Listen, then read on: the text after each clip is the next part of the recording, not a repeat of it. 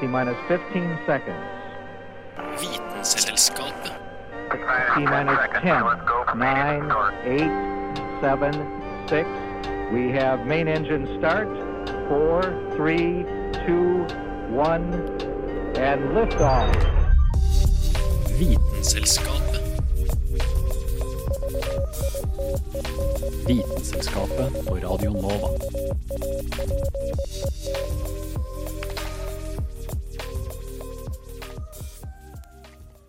Oss mennesker trives for det meste best på land, her oss eh, fint kan se hva som skjer rundt oss, og ikke minst puste fritt. Men havet har òg alltid vært en veldig viktig del av livene våre. Sjømenn, fiskere og oppdagelsesreisende har vært noen av de tøffeste folkene vi har, og det er ikke rart. Havet er nemlig noe skumle greier. Der nede finner en mange ting som en helst ikke vil tenke på. Men i dag skal vi konfrontere frykta og se på alle de skumle, skumle tingene som lurer der nede i djupet. Og skal blant annet innom blodsugere, se hvor ufattelig djupt havet er, og noe som har det fæle navnet havnespy. Jeg heter Karl Adam Skvam, og du hører på Vitenselskapet. Å vite vet Vitenselskapet.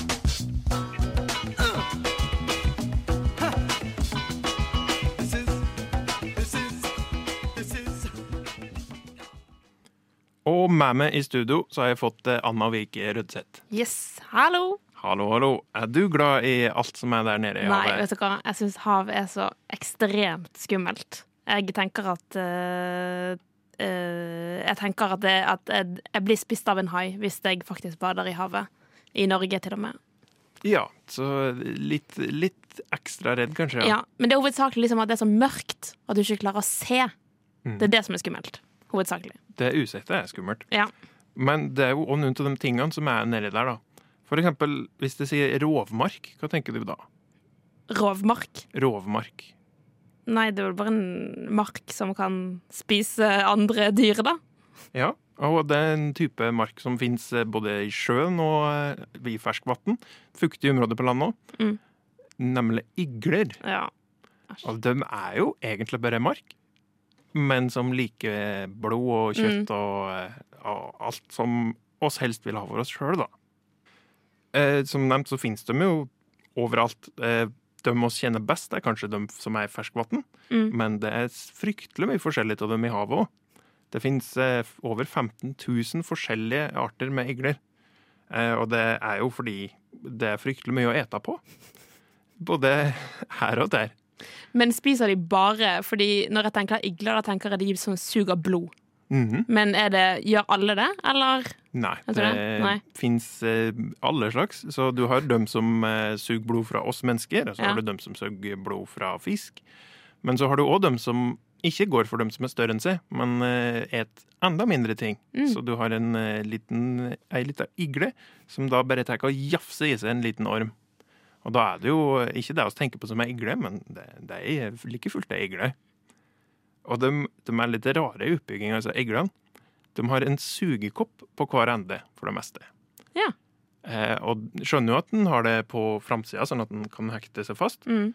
Men på baksida så bruker de det til å bevege seg, ganske mange forskjellige igler. De Ah. tar da og fester seg med den ene sugekoppen. Og så tar han og bretter kroppen og fester seg med neste. Det er en skummel måte å bevege seg på Ja. med sugekopper. Det, det gjør meg ubekvem. Mm. Det er ekkelt å tenke på. Men en annen måte som igler liker å bevege seg på, er jo bare å bukte seg gjennom vannet. Som noe åler, da. Mm. Som heller ikke er den mest behagelige måten å tenke på. Slanger er jo skumle fordi at de beveger seg så rart. Ja, det er så uforutsigbart. Du klarer ikke Det er så langt fra hvordan vi beveger oss, at jeg blir helt sånn øh, av å se på det. Ja. Mm. Og disse iglene, altså, de er helt forferdelige. Eh, og så da er det jo en ting som er veldig spesielt med igler. Det er at de har et eh, antikoagulerende stoff i seg som heter for hirudin. Eh, vet du hva det vil si at noe er antikoagulerende? Det at det ikke, blir, at det ikke koagulerer da, blodet, for eksempel. Ja. -hmm. og koagulere, det er Det er klumping. Klumping, sånn at det Mm. slutter å blø. Ja. Og hvis du da blir bitt av riktig type igle, så bare blør du og blør du. Mm. Og så hvis du fjerner igla, så kan du blø i et par-tre timer til. Oi. Og det bare vil ikke stoppe. Og det er da et helt spesielt type stoff som igler har utvikla, som eh, da gjør at blod ikke klumper seg og slutter. Mm. Det er Uff. Nei, uff. Det er jo helt forferdelig. Men før i tiden så brukte jo de igler som medisinsk behandling for Ja. blodlating. For det var visst uh, veldig sunt for 100 år siden, i hvert fall.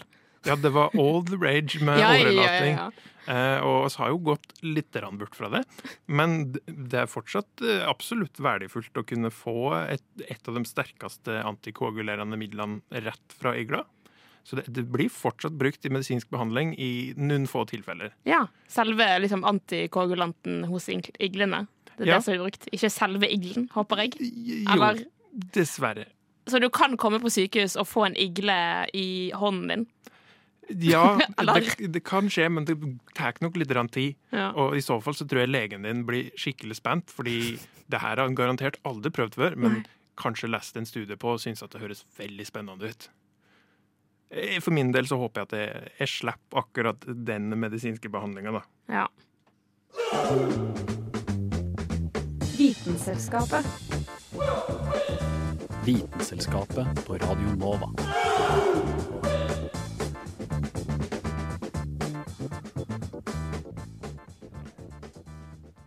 Ja, altså hvis vi er til neste hyggelige tema i den sendinga her, som handler om skumle ting om debatten. ja det, du har vel sikkert hørt om Eller jeg vet ikke om du har hørt om Havnesby? Ja, det var noe i det aviset i fjor, var det det? Ja, ja, ja. Det har vært, jeg har sett Havnesby, Havnesby, eller iallfall i en eller annen overskrift. Og eh, det som er litt Eller da jeg leste eller søkte litt om det nå i sted, så er jo faktisk Havnesby eh, et dyr. Og det er sånn Jeg tenkte kanskje at det bare var noe jeg vet ikke, skum, eller bare noe sånn Ja, eller noe algeaktig Ja, men det er faktisk Det heter jo egentlig ikke havnesby, det heter faktisk japansk sjøpung. Så det er da en Jeg vet ikke om det navnet er å foretrekke. Men Nei, om det sto mellom altså, sjøpung og havnesby. Altså stakkars eh, lille dyr. Men som navnet tilsier, så er jo da denne sjøpungen fra, normalt fra Japan. Um, og grunnen for at vi hører om dette havnesbyet i Norge, er jo fordi at dette har eh, blitt en fremmedart i Norge. Altså den har innvandret i våre eh, havområder og kystlinjer.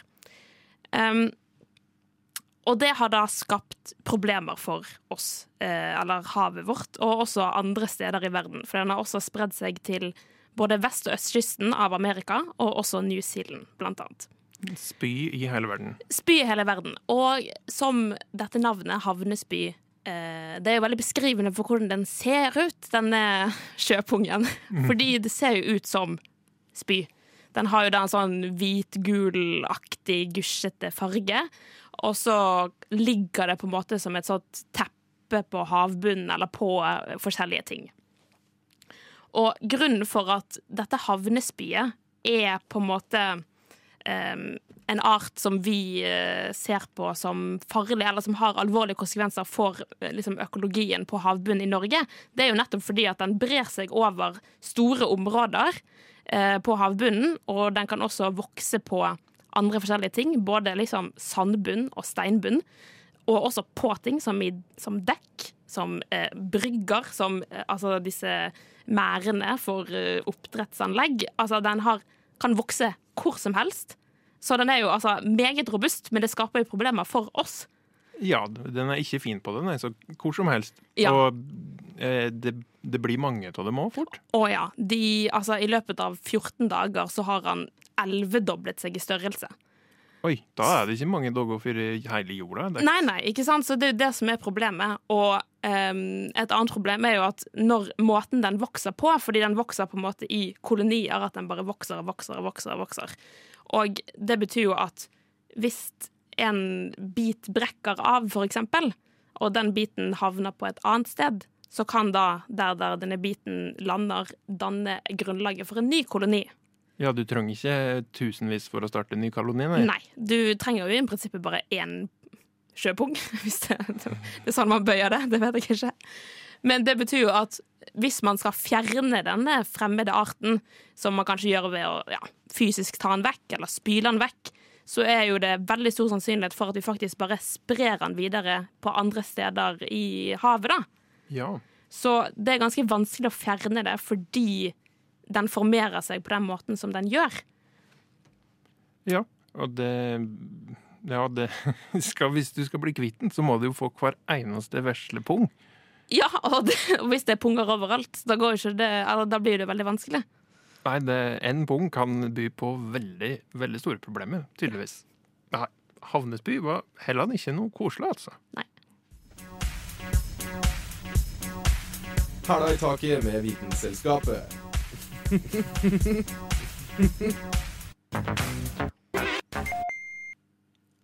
du noen gang bekymra deg for hva det er som er i vannet du bader til?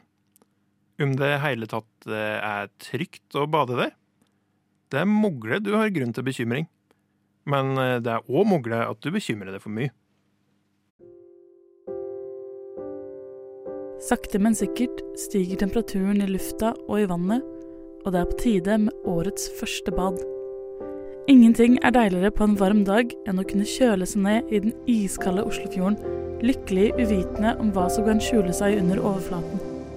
Du trenger ikke engang dykke så dypt ned mot havbunnen før du kan komme i kontakt med akvatiske parasitter.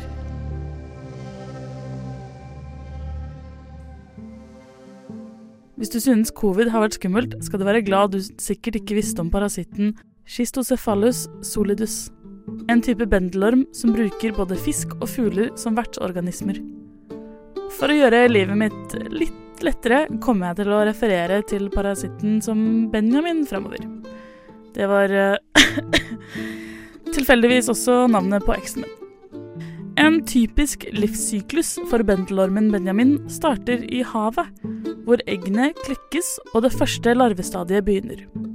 I dette larvestadiet blir Benjamin på et eller annet tidspunkt slukt av et krepsdyr, den første vertsorganismen.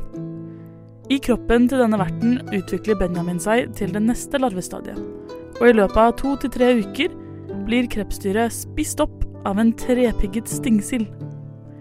Heldigvis for oss i Norge finnes bare denne arten i Nord-Amerika, så vi trenger egentlig ikke bekymre oss så fryktelig mye for Benjamin og vennene hans. Inni magen på fisken utvikler parasitten seg til det tredje larvestadiet. Vent, tre forskjellige larvestadier? Nå må du slappe av litt her, Benjamin. Du er ikke en Dark Souls-boss heller, da. Uansett, den trepiggede stingsilden blir til slutt spist opp av en fugl, hvor larven endelig får blitt voksen og begynner å produsere egg etter et par dager. Noen uker senere kan parasitten fertilisere eggene og dø en verdig død.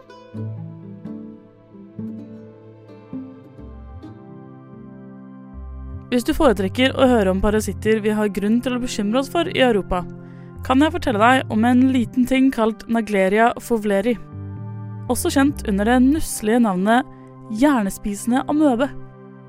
Nei, jeg snakker ikke lenger om menn på Tinder, men en bakteriespisende mikroorganisme som kan forårsake en dødelig hjerneinfeksjon. Symptomer som hodepine, feber, kvalme, oppkast, stiv nakke, hallusinasjoner og anfall inntreffer ofte etter rundt fem dager.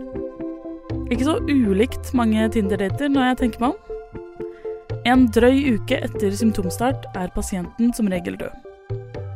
Men så lenge du bare bader i fjorden, trenger du ikke bekymre deg for denne amøben. For den trives bare i ferskvann, helst litt skitne innsjøer og bassengvann som ikke er tilsatt nok klor. Du trenger heller ikke være redd for å bli smittet av drikkevannet ditt, for den eneste måten parasitten kan ta seg inn i kroppen på, er gjennom nesa. Derfor kan du i teorien bade fint i skittent vann uten å bli smittet, så lenge du holder deg for nesa. Men jeg ville ikke anbefalt det, siden dødsraten for smittede er hele 97% De gode nyhetene er at det er ekstremt sjeldent at noen blir smittet i det hele tatt. Kanskje fordi det sjelden frister å dykke hodet under ekstremt skittent vann?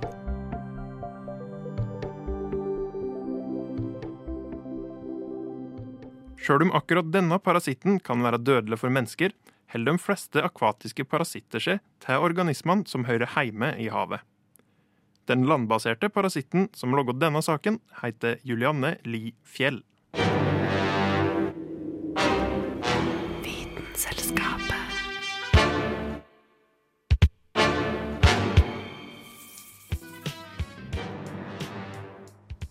I stad så kunne du fortelle ja, om Havnesby, som da var et dyr og ikke ei alge. Så algene trenger oss da kanskje ikke å være redde for, da? Jo, selvfølgelig, Carl. Det finnes jo masse skumle alger også, blant annet en som blir kalt for morderalge. Den, den høres ganske så skummel ut. Ja, den gjør det. Men den ser veldig I motsetning til havnespy, eh, som ser ut som spy, og en pung. Så det er stygt. Men denne morderalgen ser faktisk bare ut som en uh, liten busk med ruccola. Så det er på en måte tilsynelatende Jeg vet ikke. Fint, eller ja. Ja, nei, Det høres jo appetittvekkende ut, men det er kanskje et problem, da. Ja. Men uh, fordi den heter jo da Den heter jo egentlig, på latin heter den Kaulerpa taxifolia. Som alle skjønner hva betyr, selvfølgelig. Ja, Um. Men grunnen for at den blir kalt for morderalgen, er fordi at den produserer en gift um, som den egentlig bruker til å på en måte bare forsvare seg selv fra å ikke bli spist av andre fiender. Som er en ganske bra måte å overleve eh, liv Eller overleve på. Det er um, fint å ikke bli ete, det syns jeg òg. Absolutt. Men denne her algen er egentlig mest brukt, eller den er vanligst å bruke i disse saltvannsakvariene. Måten den blir brukt på der, er også grunn for at den har blitt et problem i havet vårt også. Fordi det var Den ble først oppdaget i, um, ved Monaco, uh, ute i havet der, av en professor som jobbet ved uh, et uh, havforskningsmuseum i Monaco. Og eh, det viser seg da at denne algen mest sannsynlig havnet i havet fordi disse museumsfolkene skulle eh, vaske akvariet i museet. Ja. Og da uheldigvis eh, ble da denne algen, morderalgen, sluppet ut i havet i 1984. Og siden den gang så har da denne algen vært observert i store deler av Middelhavet, og også langs eh, sydkysten av Australia, og også California. Så denne, som eh, havnesby, har eh, muligheten til å spre seg en, i en enorm fart. ja, altså så langt. Det er jo alle hjørner i hele verden. Ja, ikke sant. Og noe av grunnen for at den klarer å spre seg eh, så raskt og så langt, eh, er jo igjen for at den ikke har noen naturlige fiender. Eh, Så den kan jo bare ja, egentlig vokse fritt eh, uten at noen konkurrerer med den. Og i tillegg så vokser den så raskt og så tett at den klarer også på en måte å kvele andre planter og liv på havbunnen. Og i tillegg til at den produserer denne giften som den gjør, så klarer jo heller ikke dyr å spise den. Eller da vil jo da de naturligvis dø. Um, og undersøkelser som har blitt gjort på områder der denne algen er i store Eller har spredt seg over store områder, så har da også denne fiskefangsten i området også blitt betydelig redusert etter at de har sett at denne algen har etablert seg ganske kraftig. da. Har algen myrda fisken? Det virker jo sånn. Ja, det, kanskje de har prøvd å ete den alga, altså. Mm. Eller kanskje hvis jeg ser ut som en busk med ruccola. Selvfølgelig ser jo det appetitt ut for eh, en liten jeg vet ikke, nemofisk, eller er, de andre fiskene som bor der. Så ja, dette er også en, eh, en eh, Ja, den har jo navnet morderalge, så det må jo være en grunn for det, tenker jeg. Så Neste gang du er ute og svømmer på dypt vann og ser en busk med ruccola, ikke tenk at lunsjen var gratis i Nei. dag. Vær litt, litt skeptisk. Oh, It's fun. I mean, the natural world is just. Du hører på Vitenselskapet på Radio Nova. What more do you want?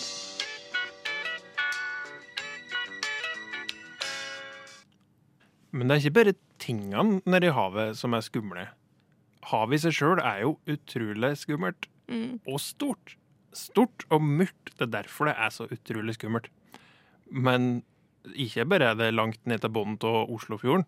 Det går utrolig mye lenger ned enn som så. Og det tar med en eller annen tulling som har funnet ut at han skulle forville seg hele veien ned. Og det skal vi høre litt om nå. Challenger-dypet. Det er ingen steder på denne planeten som er dypere. Det er så dypt at vi nesten ikke kan forestille oss det. La oss si at vi kan løfte hele Mount Everest med rota og tippe det ned i Marianegropa. Verdens høyeste fjell ville allikevel sunket omtrent 2000 meter ned i havet. Så store høyder er det vi snakker om. Det er ca. 10 900 meter med gradvis kaldere, mørkere og mer trykkende omgivelser. Mens vi står ved bryggekanten og ser utover sjøen, opplever vi et trykk på én atmosfære. Det er vi vant til, og det takler vi bra. Hvis vi derimot dykker nedover, øker dette trykket, og det skjer temmelig raskt.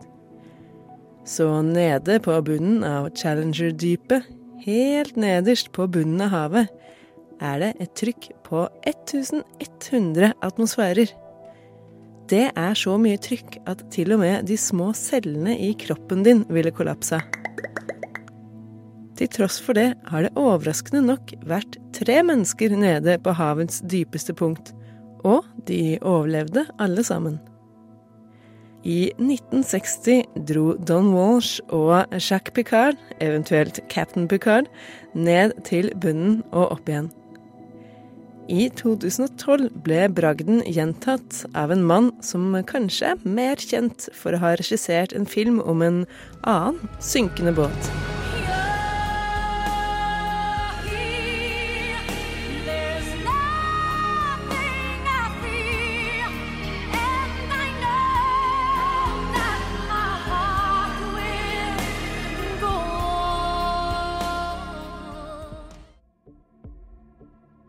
James Cameron og den 7,3 meter lange spesialdesignede ubåten Deep Sea Challenger sank ned til bunnen av havet på bare to timer og 37 minutter.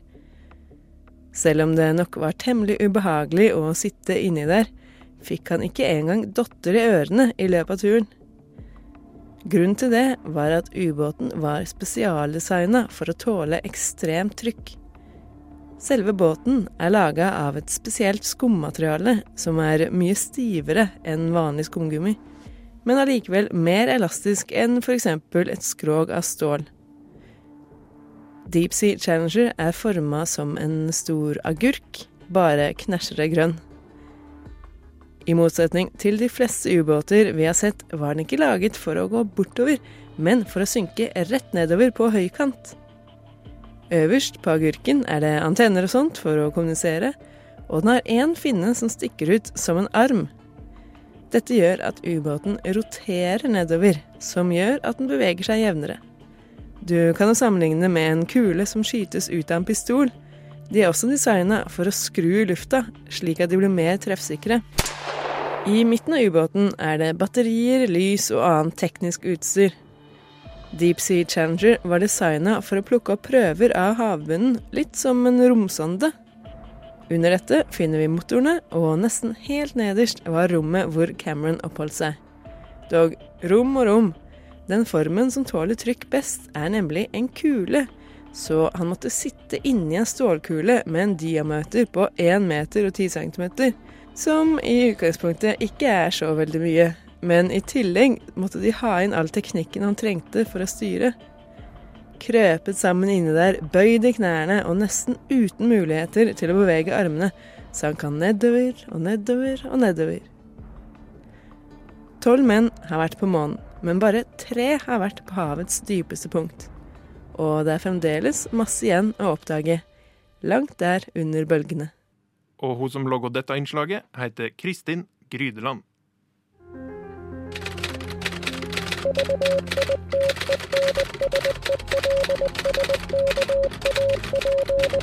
Just want to tell you both good luck. We're all counting on you. И пусть посмеются над своими страстями. Ведь то, что они называют страстью, на самом деле не душевное. Vitenselskapet А лишь трение между душой и внешним миром. knekker vitenskapens koder. Good job. Nede i havet så er det jo da mye skumle greier. Havet i seg sjøl er skummelt. Men en annen ting som er skummelt, er hva som kan skje med havet. Fordi det har faktisk noe for seg òg. I tillegg til at vi får fisk og eh, ferie, kan stå på vasski, så utgjør eh, havet en veldig viktig del i karbonkretsløpet. Det jo bare vil si at eh, karbon er det oss alle er laget av, de fleste organismer òg. Og det er òg det vi har mye av i atmosfæren, da, i form av CO2. Og det blir jo brukt opp igjen, den CO2-en. Det er ikke av oss nødvendigvis, men alle dyrene rundt omkring. De tar jo til seg karbon fra en eller annen plass. Men havet, der er det mye karbon som skal inn. Planteskog, tull. Vi burde bare fått bygd oss et par ekstra hav. Ja, det er jo veldig enkelt. Ja, det, det er kanskje, kanskje, lettere sagt enn gjort. Men havet da har mange måter som det tar opp CO2. Blant annet så tar jo havet sjøl opp CO2. Det går inn i vannet, og havet blir jo da redder oss fra litt CO2. Problemet der er jo da at havet blir surt. Mm. Eh, og ikke det at det er sikkert fint hvis havet blir som en god saltbrus. Men for de tingene som lever i havet, så er det en liten ulempe når det blir surere og surere etter hvert som karbonet i luftet trenger det inn. Da. Mm. Eh, og i tillegg da til at havet blir forsura, så blir det varma opp etter hvert som det blir varmere i lufta her. Og da ødelegger du fort noe sårbare økosystem der nede i sjøen, som da har tatt opp CO2 i bøttevis og sørga for at oss, hvis vi ikke hadde hatt havet, så hadde det vært for varmt her allerede nå. Mm. Så blant annet da, så har du store enger med sjøgras der nede i havet. Og det er kanskje ikke noe du har tenkt på at er en veldig fin måte å fange karbondioksid på. Eh, og sjøgras er jo, dekker jo da sjøbunnen mange plasser i verden, Mm. men det er på tilbakegang. Eh, det er jo delvis eh, fordi havet blir surere, men det er jo òg fordi at oss folk holder på som oss gjør. Mm. Eh, eh, tømmer, tømmer litt sånn søppel der det passer seg, kanskje. Kommer og dekker til deler av havet med det, i tillegg til at det kommer noen gifter. Sjøgras. Du vil ikke ha bly i sjøgraset ditt. Nei. Eh, I tillegg så er kunstgjødsel et eh, stort problem, paradoksalt nok. Eh, forurensning fra det. En skulle jo tro at det har litt kunstgjødsel i havet, så Hvis det er en plen i havet, så må vi gjødsle den nå, tenker jeg. Ja, ikke sant? Men sånn, sånn er det dessverre ikke. Det, det forstyrrer da den naturlige ja, veksten til sjøgraset, og oss får mindre av det. Og mindre karbondioksid som blir fanga opp der. Eh, I tillegg til sjøgras, som ja, jeg forstår det, det er jo litt, eh, litt som en skog. Så har du skjell. Du har typer skjell som da er ganske så effektive til å plukke CO2 med seg. Mm. Eh, og eh, ja, det, de er jo òg veldig sårbare for forsuring. Eh, så det dess, Dessverre det går. Dessverre kommer det til å gå. Sjokkerende at det var utfallet. Men hvilken type skjell er dette, da? Eh, Er det skjell vi spiser, eller er det Nei, de er, de er for det meste bitte små. Okay. Eh, og ikke nødvendigvis full av eh, deilig østers, nei. Mm. Eh, og de lever jo da i kolonier på bunnen av havet. Så det er ikke du, trenger ikke ha dårlig samvittighet hvis du er glad i blåskjell. For det er ikke den type skjell som det er prat om her. Mm. Men det er jo da et komplekst eh, og ja, veldig effektivt eh, karbonkretsløp nede i havet.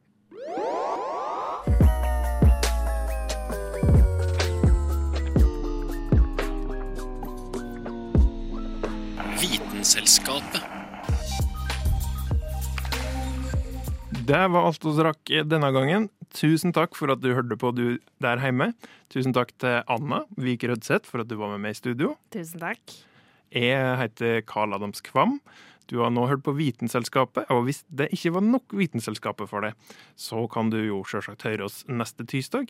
Du kan nå høre oss når som helst som podkast. Oss høres neste gang.